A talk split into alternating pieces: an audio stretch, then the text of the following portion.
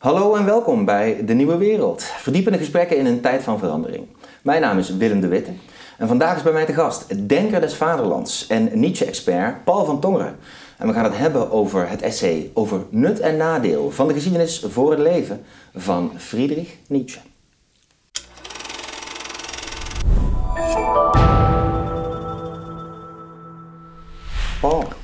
Van harte welkom. Dankjewel. Erg leuk dat je hier bent. En een hele eer mag ik ook wel zeggen. Dat we met de Denker des Vaderlands het gaan hebben over deze vroege tekst uit het oeuvre van uh, Friedrich Nietzsche. Ik wilde ook beginnen met te zeggen, ook voor de kijker die dat niet weet, dat jij toch inmiddels verwikkeld bent in een carrière-lange dialoog met het oeuvre van uh, Friedrich Nietzsche. Ik wilde ook graag wat titels daarbij noemen, hè, voor het geval dat de kijker naar de hand denkt van, oh, het lijkt me leuk om zo'n boek er nog eens bij te pakken. In de beschrijving onder deze video kan je ook teruglezen uh, welke werken uh, Paul allemaal geschreven heeft over Nietzsche.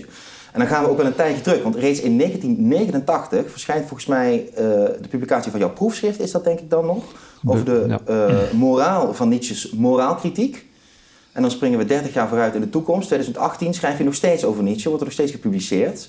En dat is dan in dit geval de Engelse editie, Friedrich Nietzsche and European Nihilism. Vertaling uit een boek uit 2012. Het Europese nihilisme Friedrich Nietzsche over een crisis die niemand schijnt te deren. Als laatste wil ik ook nog even noemen dat je in 2016 ook in de reeks Elementaire Deeltjes de bijdrage doet over Nietzsche. Uh, allemaal uitstekende boeken en zeer aan te raden. Dus kijk vooral even in de beschrijving onder de video en dan kan je wat meer lezen over die boeken. Maar het mogen dus duidelijk zijn dat jij in vele talen en op vele manieren je hebt ingelaten met het uh, gedachtegoed van Nietzsche. En daarom vroeg ik me in eerste instantie af, is het nou zo dat deze tekst voor jou een bijzondere relatie inneemt in het oeuvre? Een positie, een bijzondere positie inneemt in het oeuvre van Nietzsche? Of zie je hier toch eigenlijk al wel de filosoof verschijnen zoals hij later ook aan de uh, geschiedenis zal worden overgeleverd? Een heel speciale, het is niet een van mijn belangrijkste teksten. Het is wel een favoriete tekst, omdat het een hele mooie tekst is, vind ik. Uh, omdat het uh, een heel kenmerkende tekst is, eigenlijk de sterkste, vind ik, van de vier uh, oneigentijdse beschouwingen die hij rond 1873 schrijft. vroege cultuurkritische teksten die soms wat schreeuwerig of wat al te bombastisch zijn. En deze is eigenlijk, daar weet hij tamelijk goed maat te houden en heeft hij een interessant punt. Bovendien een van de meest actuele, een van de meest eigentijdse zou je kunnen zeggen, voor ons eigentijdse, oneigentijdse beschouwingen. Precies. Uh, en langzamerhand heb ik steeds meer, ik lees die tekst zo nu en dan weer eens opnieuw, uh, ontdek ik steeds meer hoe in deze vroege tekst al een heleboel elementen zitten die in het latere werk dan heel centraal komen te staan. De gedachte van de eeuwige wederkeer komt een paar keer voor. Eh, de thematiek van het nihilisme is overal onder de oppervlakte te merken. Eh, de thematiek van de maat, daar gaan we het misschien nog wel over hebben, is heel belangrijk in dit boek en gaat door het werk heen eigenlijk voortdurend een belangrijke rol spelen. Dus het is in die zin ook wel een tekst die, die ja, die zeker voor wie het latere werk gelezen heeft, heel veel doet herkennen. Of je het er al in leest als je de rest nog niet kent, is de dat vraag. Niet, ja. Precies. Je zegt even van het is eigenlijk eh, voor in onze tijd zeer eigentijds, hoewel Nietzsche in zijn eigen tijd zei van dit zijn oneigentijdse beschouwingen. Ja. Wat maakt deze, tijd, deze tekst zo eigentijds? Nou, eigenlijk op dezelfde manier als waarop ook in Nietzsche's tijd die oneigentijdse beschouwingen eigenlijk zeer eigentijds waren. Eh, want het grootste deel van deze tekst heeft tien paragrafen, als ik me niet vergis. En ik denk dat zeker de helft daarvan, als het misschien zelfs zes van de tien, maar in ieder geval de helft of een ruime helft, is een kritiek van de eigen tijd. Ja. En die beschouwingen zijn oneigentijds in de zin dat ze een kritische beschouwing geven op de eigen tijd. Dat ze proberen in zekere zin van buiten naar de eigen tijd te kijken en te vermijden dat ze vanuit het eigentijdse vooroordeel over zichzelf spreken, over de eigen tijd spreken. Precies. Op die manier is die tekst, denk ik, ook voor ons eigentijds. Ik weet niet of je nog kunt zeggen dat voor ons het, eh, de, de geschiedenis zo overheersend is. Want Nietzsche's kritiek is vooral dat de Duitse cultuur beheerst wordt, overheerst wordt, overmatig beheerst wordt door geschiedenis. Interesse in de geschiedenis en geschiedwetenschap.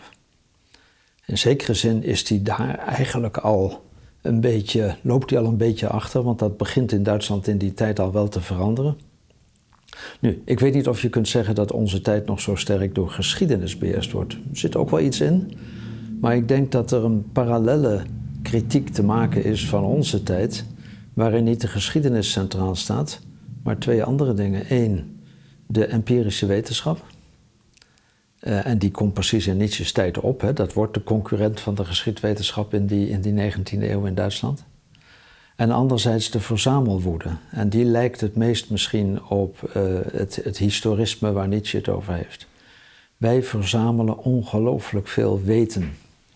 En datgene wat Nietzsche kritiseert als hij het heeft over de geschiedenis, dat heeft voor een belangrijk deel betrekking op het verzamelen van weten zonder dat het tot een verandering van leven leidt, zonder dat het invloed heeft op leven en cultuur, op het leven van het individu en van een volk of van een Mhm. gemeenschap. Het wordt een vorm van vergaren van kennis om het vergaren van kennis. Precies. En datzelfde kun je eh, van ons zeggen. Ik bedoel, wij, wij, wij leven in een tijd waarin we de, de grootste verzameling van verzamelingen ongeveer gemaakt hebben in het internet, waar alles te vinden is.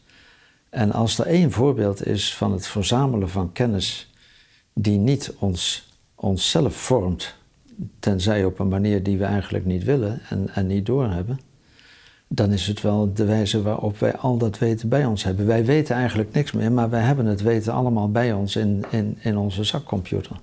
Daar staat alles in. En in zekere zin hebben wij dus het hele weten van de wereld verzameld en dragen we dat bij ons.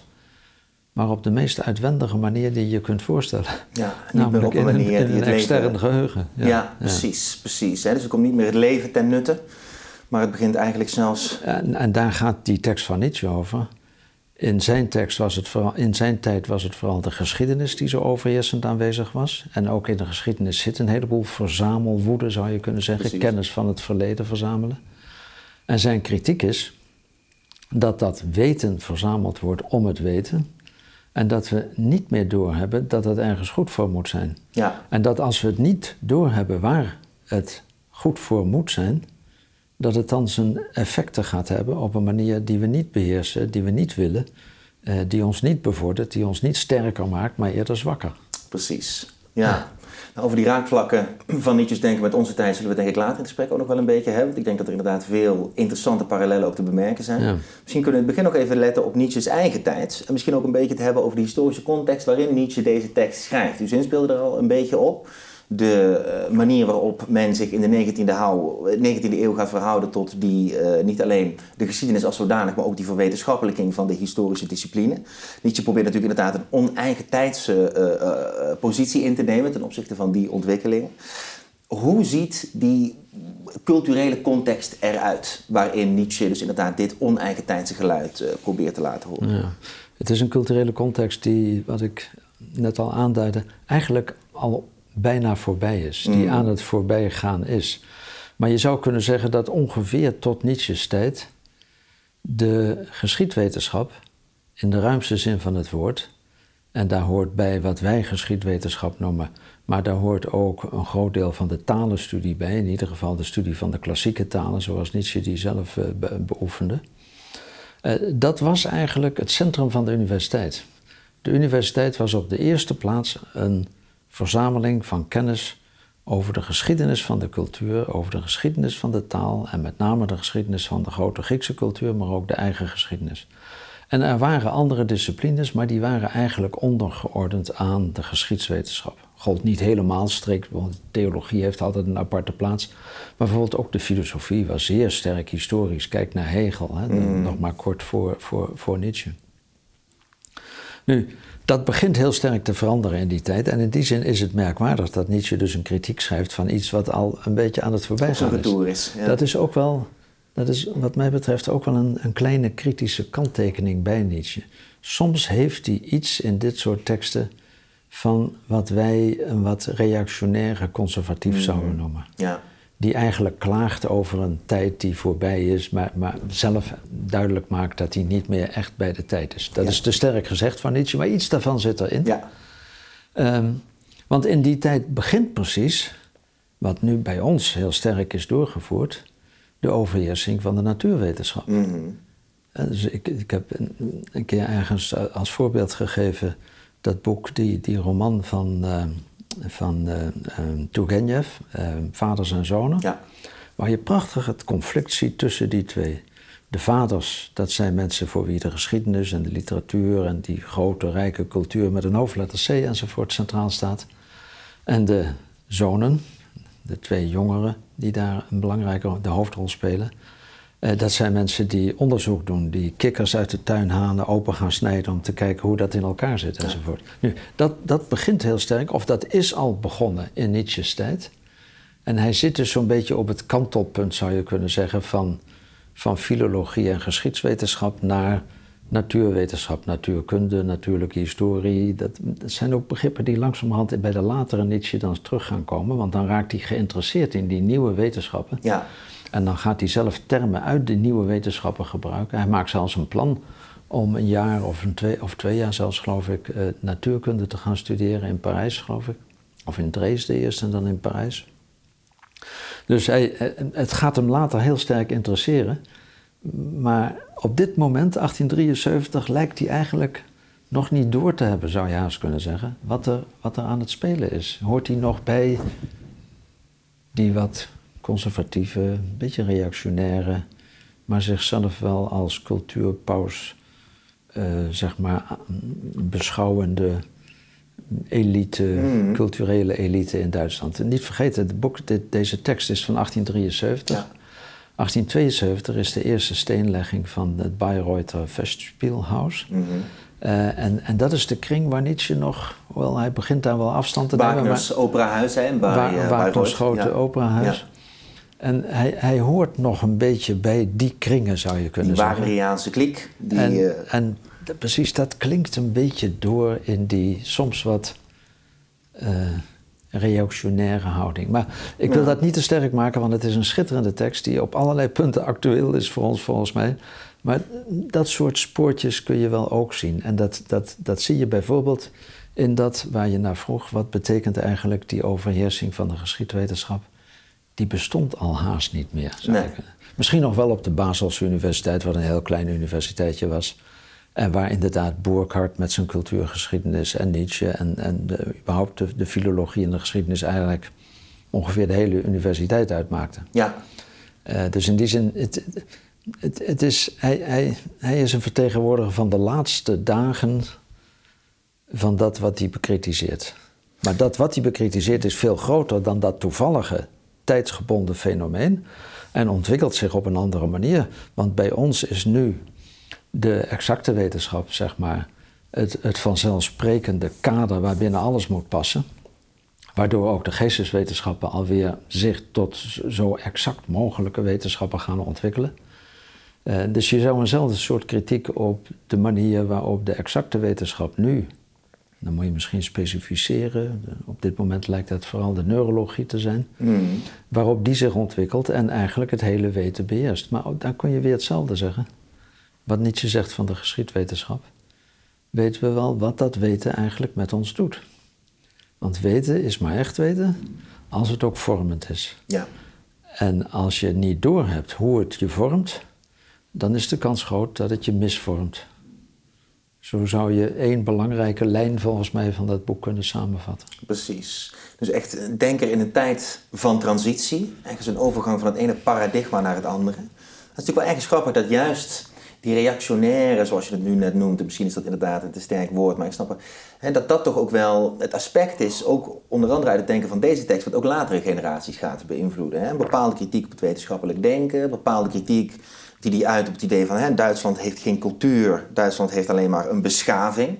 En dat beschavingsaspect, dat associeert hij dan ook sterk met een eigenlijk een van zichzelf vervreemde vorm van kennis en uh, heeft het over inderdaad leegloperij. Die eigenlijk niet meer de, de, de, de, echte relatie tot het leven uh, uh, weet te waarborgen. Of inderdaad, hè, die ook in het leven zich weet te manifesteren volledig.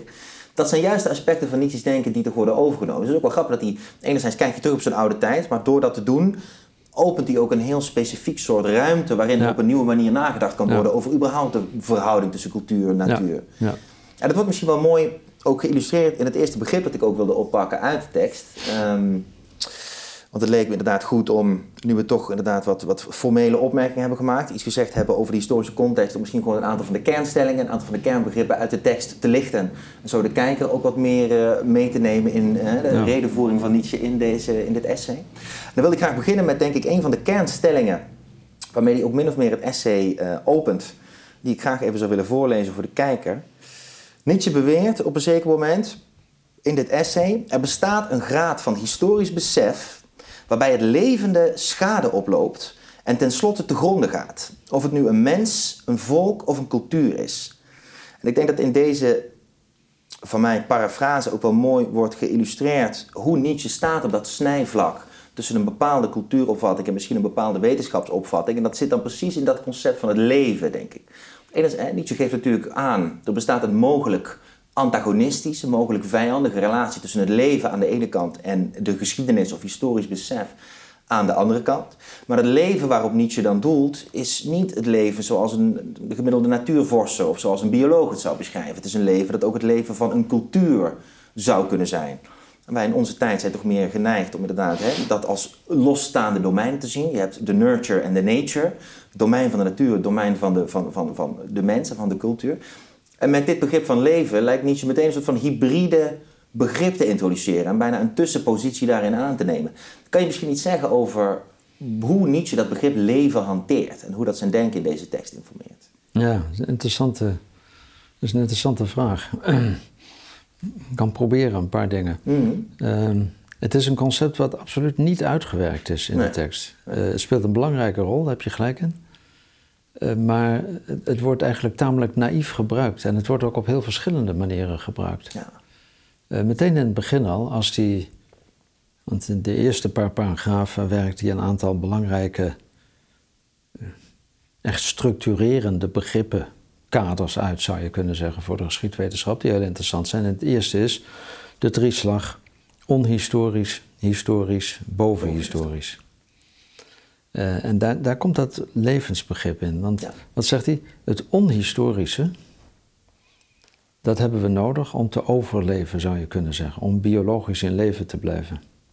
En om in een, zekere, in een zeker welzijnsgevoel, om het goed te hebben, om geen last te hebben. Zo. Daar, daarvoor moet je namelijk vergeten en onhistorisch zijn. Ja. Met die prachtige vergelijking, of dat beeld wat hij van Leopardi haalt over de, de kudde die staat te grazen en gelukkig is. Waarom? Omdat ze alles vergeten. Ja. Het onhistorische is nodig om gewoon lekker te leven, zeg maar. Het historische is nodig, de herinnering is nodig, omdat pas daardoor een menselijk leven mogelijk is. De mens kan niet anders dan zich herinneren. Uh, maar dan betekent dat dat een, een, onderscheid gemaakt is tussen overleven en menselijk leven, zou je kunnen zeggen. Een onderscheid wat Aristoteles ook heel sterk maakt trouwens. Nu, uh, vervolgens maakt hij eigenlijk geen onderscheid tussen het leven van een persoon en het leven van een cultuur of het leven van een volk. Precies. Dat, wordt, dat, dat gaat in één moeite door. Heel vaak vind je die trits persoon of individu volk en cultuur. Dat, dat is allemaal ongeveer hetzelfde. Ja. Ik denk dat je moet zeggen, en dat geldt zeker voor de vroege Nietzsche volgens mij heel erg sterk, al die onzeitgemäße betrachtingen, die, die, die laten dat zien. Uh, en zeker ook de, de niet gepubliceerde vroege werken over de, de voor-Socratische filosofen en zo. Dat Nietzsche heel sterk op het individu geconcentreerd is. En dat hij met een soort automatisme zegt, en natuurlijk werkt daardoor in hoe een volk, hoe enzovoort. Um, Eigenlijk wordt daar dus geen onderscheid gemaakt. Nu, wat leven is, wordt niet duidelijk tenzij Nietzsche opnieuw impliciet, hij werkt dat niet expliciet uit, een onderscheid inbrengt wat voor hem leidinggevend lijkt te zijn. Mhm. En dat is het onderscheid tussen een ziek leven of een zwak leven en een sterk leven, een krachtig leven. Een gezond leven. Een gezond leven ziek en gezond, hoewel die het, hij noemt het hier één of twee keer, denk ik, dat de term ziek, gezond, uh, dat die terminologie voorkomt. Speelt nog geen hoofdrol, gaat later heel erg belangrijk worden. Uh, maar eigenlijk is dat het leidende onderscheid. Want je kunt niet zeggen dat Nietzsche voor het historische tegen het, het onhistorische of voor het bovenhistorische tegen het onhistorische. al die begrippen die blijven, en ook het andere onderscheid wat hij later gaat maken tussen drie manieren van geschiedsbeoefening. Al die dingen die blijven ergens een plaats houden. Hij pleit niet voor het een en tegen het ander, maar hij pleit steeds voor een manier van je verhouden tot de geschiedenis die bepaald wordt door een sterk leven of die leidt tot een sterk leven. En hij bekritiseert elke vorm van geschiedsbeoefening, van vergeten of je herinneren. Hij, hij kritiseert elke oefening, elke beoefening van de geschiedenis die uh, leidt tot een zwak leven of mm. die voortkomt uit een zwak leven. Kijk, een zwak leven heeft soms geen behoefte aan om zich te herinneren dat iets al gebeurd is. Want dan moet het zich gaan verhouden tot datgene wat al gedaan is. Dat leidt tot een bepaalde opvatting van geschiedenis die voortkomt uit een zwak leven. Ja. En, en dat zie je op allerlei plekken, zie je dat criterium, zo mag ik het denk ik wel noemen, dat criterium voortdurend werken. Als die voor het een en tegen het ander pleit, of als die probeert een onderscheid te maken in normatieve zin, gaat het eigenlijk altijd om dat onderscheid, sterk en zwak. En bij sterk en zwak denkt hij dan vooral aan sterke en zwakke individuen.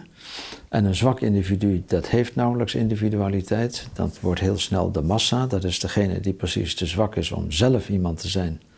En die laat zich leiden door wat nu eenmaal vanzelfsprekend is. En die laat zich leiden door en in een massa. En het individu is degene die zich onderscheidt, die zich verhoudt tot, eh, die, die, die denkt over uh, datgene wat er gebeurt. Uh, dat is op zichzelf niet zo'n opzienbarend onderscheid. Het is iets wat heel sterk in de. In die zin in de tijd is, denk ik, dat Kierkegaard en Nietzsche zijn bijna tijdgenoten. En je ziet daar diezelfde beweging opkomen van het individu tegen dat wereldhistorische denken, zoals uh, in Hegel gevonden wordt en zo. Dus het individu als een soort tegenpool tegen de grootste theorieën en de grootste bewegingen, ook de grootste politieke massabewegingen die, die, die tot stand komen. Dat is iets wat precies in die 19e eeuw opkomt. De reden waarom Nietzsche en ook Kierkegaard zeg maar een soort aartsvaders van een existentialistische beweging in de geschiedenis worden enzovoort. Maar het, het, werkt heel sterk zonder dat die begrippen nu echt theoretisch uitgewerkt worden. Zonder, zonder dat Nietzsche nou een, een filosofie van het leven uh, ontwikkelt of iets dergelijks. Zoals die jonge Hegel dat bijvoorbeeld wel nee. doet. Dat is.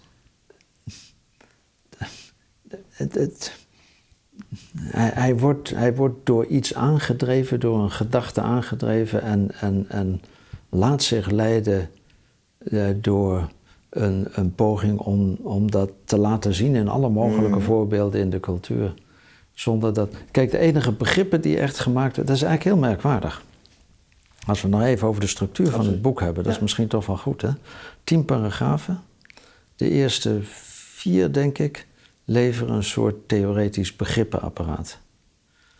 De laatste zes zijn een kritiek van de eigen tijd. Ja dat begrippenapparaat van de eerste vier werkt nauwelijks door in die laatste zes. Ja. Hij heeft hij niet echt daarvoor nodig. Soms gebruikt hij daar iets van, maar dat heeft hij daar eigenlijk nauwelijks voor nodig. Dus eigenlijk is het, breekt de tekst een beetje in twee. En dat eerste is heel erg interessant, maar daar doet hij nog niet veel mee. En dat, ik zeg dat nu omdat dat eigenlijk zo'n een, een indicatie is van, van, van het soort tekst die oneigentijdse beschouwing. Het is iemand die, zoals een columnist, zich niet hoeft te, uh, hoeft te bekreunen over of het allemaal wel systematisch klopt. Mm. Uh, zoals een, uh, een, iemand die een cultuurkritisch essay schrijft, ja, want dat zijn het eigenlijk. Een keer iets wil beweren in plaats van een theorie te ontwikkelen. Dat doet Nietzsche eigenlijk ook. En dan zitten er hele interessante theoretische elementjes in. Maar die worden extra interessant als je daarna ook de rest gaat lezen van het oeuvre van Nietzsche en dan ziet hoe hij die dingen gaat gebruiken. En echt gaat uitwerken. Ja. ja. Want het is natuurlijk ook wel eigenlijk, eigenlijk ook aan de hele positie die hij zich verschaft, dat hij zo een beetje keert tegen die hele je kan zeggen droge, maar misschien al te academische opvatting van wat goede filosofiebeoefening is. Natuurlijk sowieso inderdaad dat hele systeemdenken, daar keert hij zich eigenlijk op tegen. Dus het is ook bijna de, de, de, eigen aan de stijl dat hij zich op een niet systematische manier uitdrukt. En dat hij inderdaad zijn intuïtie laat, uh, laat spreken. Ja. Maar toch heb je inderdaad het idee dat hij zich wel, hè, dus op een polemische manier, dus ook probeert uh, af te zetten van wat op dat moment misschien ook in de context van het westerse denken het fundamentele grondbeginsel altijd is, namelijk dat van de ware kennis.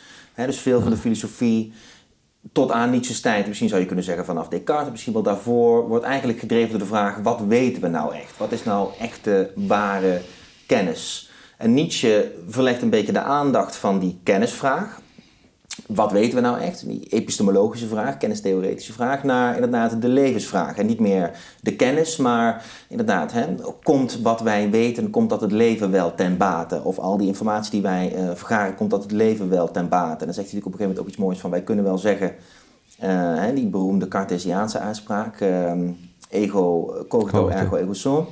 Dat verandert hij dan in, kunnen wij wel zeggen en dat lijkt me toch de kant die hij op wil bewegen. Van, kunnen wij zeggen, vivo ergo cogito. Ik leef, dus ik denk. En zij lijkt een heel strikte, hè, ook echt op die manier zichzelf een positie te willen verschaffen ten opzichte van die, uh, laten we zeggen, filosofische traditie en een nieuw soort pad in te willen slaan. Ja. Heb je het gevoel dat hij dat pad wat hij hier introduceert, dat hij dat ook, dus hè, hij gaat dat later uitwerken, maar pakt hij die draad ook op? Of gaat hij zich ook afkeren van de dingen die hij al een beetje beweert in dit essay? Gaat hij het nog scherper aanzetten? Eén ding wat in het essay een belangrijke rol speelt, dat. Ik wou zeggen dat verdwijnt langzamerhand, maar eigenlijk klopt dat ook niet helemaal. Mm. Laat, me iets zeggen over dat ene ding dat ik bedoel. Uh, Nietzsche is op dat moment, 18, uh, vanaf 1869 al, dus hij is al vier jaar lang hoogleraar in Basel. Weliswaar nog heel jong, maar hoogleraar klassieke filologie. Op zijn 24 e krijgt hij zijn uh, aanstelling. Nog steeds een van de jongste, volgens mij, hoogleraren in de Duitse geschiedenis. Uh, hij zit daar op een kleine universiteit die heel sterk die filologische traditie heeft. Hij komt van Leipzig en daarvoor Bonn, waar de grote klassieke filologen zaten, Ritschl en, en, uh, en Jaan. Uh, dus hij komt eigenlijk uit die wereld waarin de klassieke filologie op een wel bepaalde manier wordt beoefend. Eén, heel erg historisch, proberen zo feitelijk mogelijk te reconstrueren wanneer een tekst door wie geschreven is, wat de feitelijke kenmerken zijn van die enzovoort. Met abstractie van waar het toe diende of wat het, wat, wat het voor ons nog te betekenen heeft. Die laatste vraag speelt eigenlijk geen rol, zou je kunnen zeggen. En dat wil Nietzsche juist naar voren halen. Het gaat erom wat het ons te zeggen heeft. Ja. Dat wil hij heel sterk. Twee, hij leeft in die 19e eeuw, in die klassiek filologische wereld, die heel sterk beheerst wordt door het ideaal van het Griekse schoonheidsideaal, mm. het Griekse maatideaal, zoals dat door, door Winkelman en anderen gevormd is.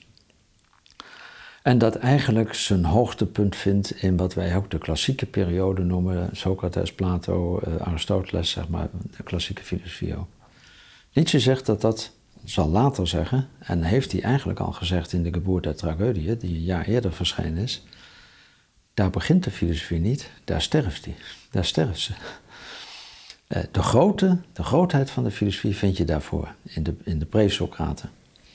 Dat is een tweede manier waarop hij zich eigenlijk al niet thuis voelt in de filologenwereld waarin hij zit opgesloten. Nu, van de ene kant is dat een typisch kenmerk van deze tekst, want hij is klassiek filoloog in, in Basel als hoogleraar. En moet op een manier die enerzijds respect afdwingt, anderzijds toch ook kritiek oefenen, op, want hij wil dat eigenlijk niet. In die tijd probeert hij ook een andere leerstoel te krijgen. Hij wil eigenlijk filosoof, eh, een leerstoel filosofie in plaats van filologie hebben, maar dat lukt hem niet. Van de andere kant, dus in die zin dacht ik van dat is iets wat typisch voor deze tekst voor 1872, 73 is en later verdwijnt. Van de andere kant verdwijnt dat helemaal niet, want datgene wat hij bij die pre-Socraten vindt en wat verdwijnt bij Socrates en Plato, dat staat precies centraal in wat hij verder gaat zoeken als de grootheid van het individu, als de kracht. In, een, in een, ook een vroeger tekst schrijft hij over die pre-Socraten, eh, over iemand als Thales bijvoorbeeld, een van de vroegste pre-Socratische denkers. Dan schrijft hij, Thales is groot, niet om wat hij gezegd heeft, want wat hij gezegd heeft is eigenlijk onzin, dat alles water is. Maar dat hij durfde dat te zeggen, dat maakt hem groot. Uh, Herakleitos zegt hij, Herakleitos was groot, zo groot dat hij wist dat hij de erkenning niet nodig had. Hij wist gewoon, hij was de waarheid. Nu, dat soort presentaties van iemand die, die, die zichzelf poneert en, en die de wereld ziet als een interpretatie die hij zelf kan veranderen door een nieuwe interpretatie te geven en die in die zin een wereldvormende taak kan hebben, dat vindt hij al vanaf het vroegste begin bij die, bij die pre-Socraten. En dat blijft een hele belangrijke rol spelen in het latere, in het latere oeuvre. Dus het is zowel een tekst die sterk gekenmerkt is, zou je kunnen zeggen, voor de positie waarin hij zich wat ongelukkig voelt op een leerstoel waar hij eigenlijk vanaf wil. Als ook dat het een tekst is die kenmerkend is voor dat wat de echte Nietzsche gaat worden en, en wat je dus voortdurend terugvindt in het, in het boek. Nu, voor wat betreft dat begrip uh, leven, dacht ik nog aan één ding wat ik wel eigenlijk heel belangrijk vind. Toen ik het nog een keer herlas voor dit gesprek, toen viel mij sterker dan ooit tevoren op dat eigenlijk twee begrippen voortdurend terugkomen. Mm. Eén, eerlijkheid. Eerlijkheid of waarachtigheid. Ja. Bijna op welke bladzijde. Ongelooflijk sterk. En ten tweede, iets minder frequent, maar wel op heel cruciale punten, maat of mateloosheid dan als dat wat hij bekritiseert. Ja. Eerlijkheid en maat. Dat zijn twee centrale deugden. Maat is de centrale deugd in de Griekse deugdethiek, sophrosyne. Eerlijkheid is een centrale deugd. Nietzsche noemt het ergens de laatste van de deugden, die in, met de, de, de overgang van de Griekse oudheid naar zeg maar, de christelijke wereld uh, besterkt naar voren gaat komen. Ja. Zij neemt twee hele cruciale deugden als een soort, als een soort refrein of als een hmm. soort structurerend element in die tekst op.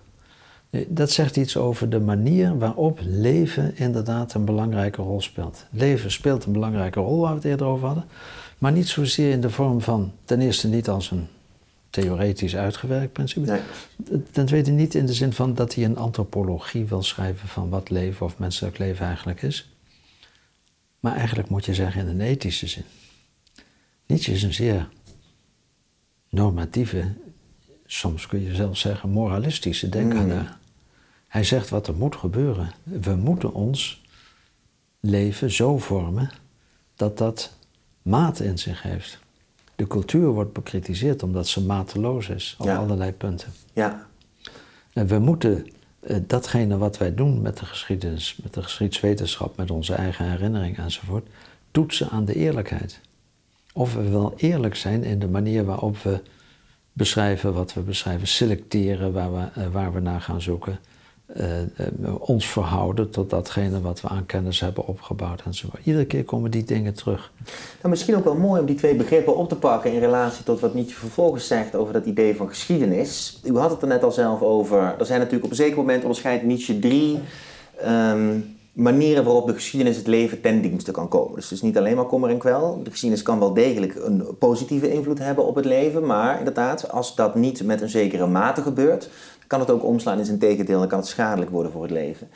Uh, zou je misschien iets kunnen zeggen over hoe die drie, uh, hoe, um, hoe je ziet in die drie opvattingen over die geschiedenis, dat deze twee aspecten van enerzijds die eerlijkheid en anderzijds dat mateloze terugkomen in die drie concepties. Ze kennen natuurlijk alle drie iets van enerzijds een en er kan een, een, eerlijkheid zitten in het opvatten van een bepaald uh, geschiedbegrip, maar inderdaad, uh, onder de voorwaarden van een bepaalde mateloosheid kunnen doorschieten. Misschien kan je iets meer zeggen over die drie uh, houdingen en de geschiedsopvattingen die daarbij horen. Ja, dan bedoel je de tweede drieslag waarschijnlijk. De eerste heb ik genoemd, van onhistorisch, historisch en bovenhistorisch. Exact, en nu bedoel ik die van en dan komt de volgende. de monumentale geschiedenis, de anti-kerngeschiedenis en de kritische geschiedenis. Precies, ja. Dat zijn de drie, vormen, de drie manieren waarop we ons met de geschiedenis kunnen gaan bezighouden. Monumentaal, uh, antiquarisch en, en kritisch. Monumentaal is, heel kort, ook niet heel precies hoor. Er zitten ook zo wat wisselende dingen in. Het is aan het begin van de tekst niet precies hetzelfde als wat het op het eind van de tekst is, denk ik. Maar uh, monumentale uh, geschiedsbeoefening is je concentreren op de grootheid die ooit geweest is. Als je cultuurgeschiedenis doet, dan ga je kijken naar Raphaël, naar Mozart, naar, en, niet naar wat er allemaal nog... Ja, ja precies. Ja. Ehm, uh, dat is heel belangrijk, zegt hij, voor het leven.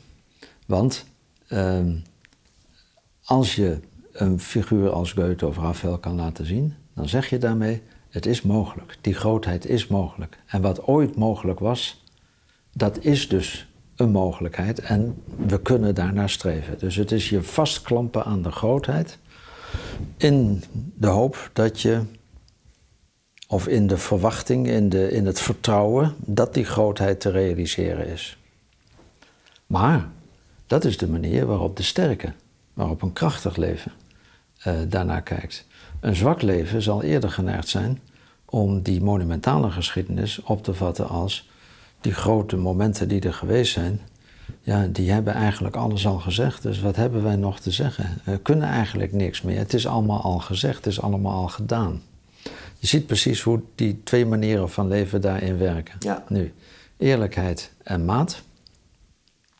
Eerlijkheid betekent dat je in ieder geval de wijze waarop je je verhoudt tot die grote figuren die je beschrijft in de monumentale geschiedschrijving, dat je je realiseert wat je daar doet. Dus dat je je uitdrukkelijk ook dat wat je beschrijft uit die historische periode betrekt op het eigen leven. Wat zegt het ons, wat moeten wij daarmee doen? Of hoe verhoud ik mij tot dat? Op welke manier ehm, moet ik eerlijk erkennen dat ik niet die grootheid heb? Dat, in welke positie sta ik eigenlijk tot iemand als Goethe of Mozart enzovoort? Eerlijkheid. Maat speelt niet zozeer binnen een van die drie, de andere twee moet ik nog noemen, speelt niet zozeer binnen een van die drie, maar in de verhouding tussen die drie. Dat is het, een van de meest sterke, vind ik, uh, trekken van, van, van het boek. Van die eerste vier paragrafen waarin hij die twee drieslagen uh, beschrijft. Dat hij drie figuren beschrijft. Eerst maar nog even die eerste onhistorisch, historisch, bovenhistorisch. En in plaats van voor het ene en tegen het ander te pleiten, zegt hij eigenlijk ze hebben elkaar nodig. Het is alleen maar dat ze elkaar in evenwicht kunnen houden. Nu, datzelfde zie je ook met monumentaal, antiquarisch en kritisch. Ze hebben alle twee, alle drie, een mogelijkheid om sterk te zijn en een mogelijkheid om zwak te zijn. En de enige manier waarop je ze tegen die zwakheid kunt beschermen, een beetje, is door ze elkaar te laten bekritiseren. En dat elkaar bekritiseren, dat heeft te maken met die eerlijkheid. Dat wil zeggen, dat sorry, dat heeft te maken met de eerlijkheid, maar dat heeft vooral te maken met, met de kwestie van de maat. Maat is, en dat is een zeer Grieks begrip van maat volgens mij, maat is eigenlijk proportionaliteit. De Nederlandse vertaling matigheid voor de Sofrosune is een heel bedenkelijke eigenlijk. Dat klinkt heel zuinig, alsof het mm. beter is minder. Maar het Griekse begrip van de maat, en bij Nietzsche geldt zeer sterk dat je altijd een beetje de Griekse woorden achter zijn taal moet, moet proberen te horen.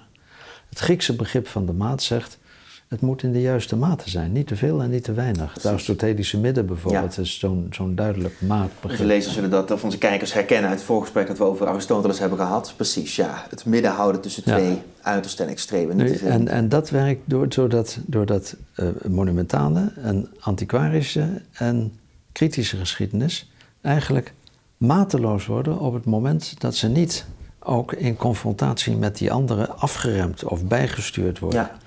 Want de, de, de monumentale is zowel gevaarlijk als, als veelbelovend. De antiquarische is van de ene kant, uh, zolang het met pietijd uh, verzorgd is, zegt Nietzsche, is het heel belangrijk om je te realiseren, om je ergens thuis te voelen. Je, we zijn onderdeel van een traditie en we moeten ons ergens thuis weten. Nou, dat is de manier van een geschiedenis om je heen vormen, als het ware, waarin je thuis bent. Dat hoort bij het antiquarische. Van de andere kant is het antiquarische eh, heel eh, erg vatbaar voor, voor mateloze overdrijving. Hmm. Dat is wat we bij de antiquair zien. Dat ook oude rommel, zeg maar, een oude piespot... Wordt opgepoetst en in een ja, uh, kastje geplaatst. En ook de kritische uh, geschiedsbeoefening is van de ene kant heel belangrijk... om je te verhouden precies tot die geschiedenis... en die ook te beoordelen en bijvoorbeeld afstand te nemen... zoals wij dat nu doen van het slavernijverleden. Want dat is een kritische verhouding tot de geschiedenis. Maar ook die kan heel gemakkelijk mateloos worden, zoals dat soms ook het geval is, misschien in onze discussies. Er moet in toom gehouden worden, als het ware, door die anderen. Nou, dat idee van dat die verschillende. Daarom zijn die, die, die twee, drie slagen volgens mij heel erg belangrijk. Ook al werkt die daar later niet zoveel meer mee, althans niet expliciet. Die twee, drie slagen maken duidelijk dat dat oer-Griekse maatbegrip, hij verwijst aan het eind van zijn tekst ook naar de leuze van Apollo, dat oer-Griekse maatbegrip heel erg leidend is voor Nietzsche. En de kritiek van de cultuur die hij doorvoert hier en die hij later zal doorvoeren in zijn nihilisme-these, is eigenlijk voor een belangrijk deel een kritiek van de mateloosheid hmm. die in de cultuur gevonden wordt. En in dit geval dan de mateloosheid waarin we ons overgeven aan historisch weten aan het verzamelen van wat er allemaal te weten is. Prachtige beeld dat hij gebruikt. Ik vind dat een heel mooi beeld. Waar hij zegt, wij zijn als het ware encyclopedieën geworden. Dat wil zeggen, wij zijn alleen het bandje eromheen. En dat weten, dat hebben we in ons opgeslagen, maar wij zijn zelf niks. Of, nu, dat beeld, dat gebruikt hij in deze tekst, komt eigenlijk precies overeen met een beeld wat hij uh, tien, meer dan tien jaar later gebruikt, 13 jaar later, in 86, in, in van Goed Beuze. Dan zegt hij wij, de moderne mens, zijn mensen die een grote klerenkast hebben en daar hangen alle kostuums in uit de geschiedenis van de, van de mensheid. Wij kunnen ons verkleden als iemand uit de 16e eeuw, wij kunnen ons verkleden als de, de, de, de Shakespeare, uh, enzovoort. Alleen ons eigen pak hangt er niet bij. Dus wij zijn als het ware een soort lege huls geworden of een lege kleedpop, hoe heet zo'n zo'n etalagepop? Een mannequin, inderdaad, ja. ja. uh, en en dat, dat is de mateloze overgave aan alles maar te verzamelen op een manier die vergeet dat alles wat je weet maar relevant is voor zover je realiseert of je bezighoudt met wat dat jou te zeggen heeft hmm. en wat dat jou doet en hoe dat jou vormt. En als je die vraag niet stelt, dan vormt al dat weten jou tot een lege huls, tot de kaft om het boek. Of tot de, de kast waarin je alles verzamelt, die zelf geen identiteit heeft. En daar spreekt dan ook weer een heel belangrijk uh, uh, connotatie in van dat krachtige of dat sterke of dat gezonde leven. Het gezonde leven is het leven dat zichzelf vormgeeft dat zichzelf verhoudt tot de dingen en dat zich niet laat doen door datgene wat de cultuur, wat de vanzelfsprekendheid, wat, noem maar op, de massa ja. aangeeft. Waar dan een innerlijke kracht van uitgaat. Als we dan kijken naar onze eigen tijd, want ik zie ook dat we ook tegen het afronden aanzitten. Ik begrijp ook dat jij wel dat je trein moet halen. Dus misschien kunnen we nog even snel kijken naar onze eigen tijd en die mateloosheid in onze eigen tijd waar het die verhouding tot de geschiedenis betreft. Je krijgt toch het idee dat ook wij in het heden hebben onze eigen ambivalente relatie tot hoe we ons verhouden tot ons eigen uh, verleden. En je krijgt het idee dat daar ook, dat vooral gevoelens van schuld en de noodzaak tot het herstellen van historische uh, hè, fouten of misstanden, dat dat voor onze tijd aan de orde van de dag is. Nietzsche heeft het daar niet zo expliciet over, over die schuldvragen in zijn tekst. Mm. Hoe denk je dat Nietzsche zou kijken naar moderne fenomenen als bijvoorbeeld eh, dat het nu gaat over de geschiedenis van het kolonialisme? En de eis om daarin een soort van historische correctie te maken. Of misschien gaat het nu ook steeds meer over het hele kapitalistische systeem komt op zijn einde. Dus we moeten daar ook eigenlijk teruggrijpen op ons verleden historische misstanden uh, uh, herpakken. Zou Nietzsche in dat soort nu heersende opvattingen ook een bepaalde vorm van mateloosheid inschatten? Hoe zou Nietzsche kijken naar dat soort fenomenen? Altijd moeilijk natuurlijk om hem te verplaatsen naar een andere tijd. Maar... Als iemand het zou kunnen, dan bent u dat. Um, nou, laat ik maar proberen om het te doen met die, met die twee drie slagen, die begrips, die conceptuele drie slagen die hij aan het begin geeft. Ook al gebruikt hij ze zelf niet zo erg verder. Um, ik denk dat je kunt zeggen dat, um, dat wij in, eh, als het gaat om die tweede drieslag, dat we in uh, onze kritiek op het, uh, op het slavernijverleden of op de hele koloniale geschiedenis um, een duidelijke vergroeiing, misgroei, misvorming laten zien van een overdrijving van de kritische geschiedsbeoefening. een, een, deels een terechte correctie zou je kunnen zeggen op een typisch 18e eeuwse overdreven monumentale geschiedenis. Mhm. Toen we Piet Hein en alle grote zeehelden zeg maar op, op hoge sokkels hebben gezet. En, en nu het omgekeerde in een kritische geschiedschrijving, de sokkels omgooien, de naambordjes veranderen enzovoort. Eh, je zou kunnen zeggen, je ziet daar twee momenten in een tijd van ongeveer 200 jaar, waarin eerst alleen het ene en later alleen het andere, waarin ze niet door elkaar gematigd worden. Daar zou je een voorbeeld van, van uh, in kunnen zien. Ehm, als het gaat om de manier waarop die discussie bijvoorbeeld over slavernijverleden en, en, en kolonialisme gevoerd wordt, dan is daar één ding waar we het helemaal niet over gehad hebben, maar wat in die tekst van Nietzsche, in al die oneigentijdse beschouwingen steeds een rol speelt. Zeg maar de, de macht van wat wij nu zouden noemen de macht van de economie. Mm. Uh, hoe uh, juridisch uh, excuses vastzitten aan schadevergoeding en wat dat zou betekenen enzovoort. Nietzsche verwijst heel vaak naar dat soort van ontwikkelingen, zou je kunnen zeggen die, uh, nou ja, die blijkbaar in zijn tijd speelden zoals ze in onze tijd in, in, in deze casus spelen. Um, als we kijken naar, de, naar die drieslag van onhistorisch, historisch en, en bovenhistorisch, dan zou je kunnen zeggen dat die onze tijd, denk ik, eerder zou geneigd zijn te karakteriseren als, als onhistorisch, eerder dan dan historisch en, en bovenhistorisch. Mm. Onhistorisch of eventueel bovenhistorisch, want onhistorisch en bovenhistorisch lijken heel sterk op elkaar. dicht bij elkaar. Onhistorisch is degene die gewoon alles onmiddellijk vergeet. Bovenhistorisch is degene die zegt, ja, alles is al gebeurd, dus we hoeven niks meer. Dat, en dat komt heel dicht bij elkaar. Zeker een cynische, ironische afstand ja, van... Ja, de ironische levenshouding die daarbij...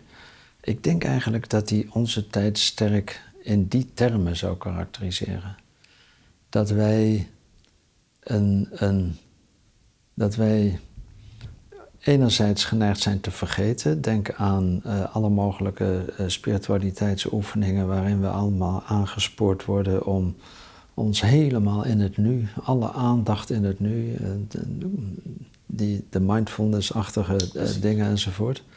Dat is eigenlijk bijna letterlijk soms, als je die beschrijvingen leest, wat Nietzsche zegt van het leven van de dieren. Hè? Niet, meer herinneren, niet oordelen vanuit verwachtingen enzovoort.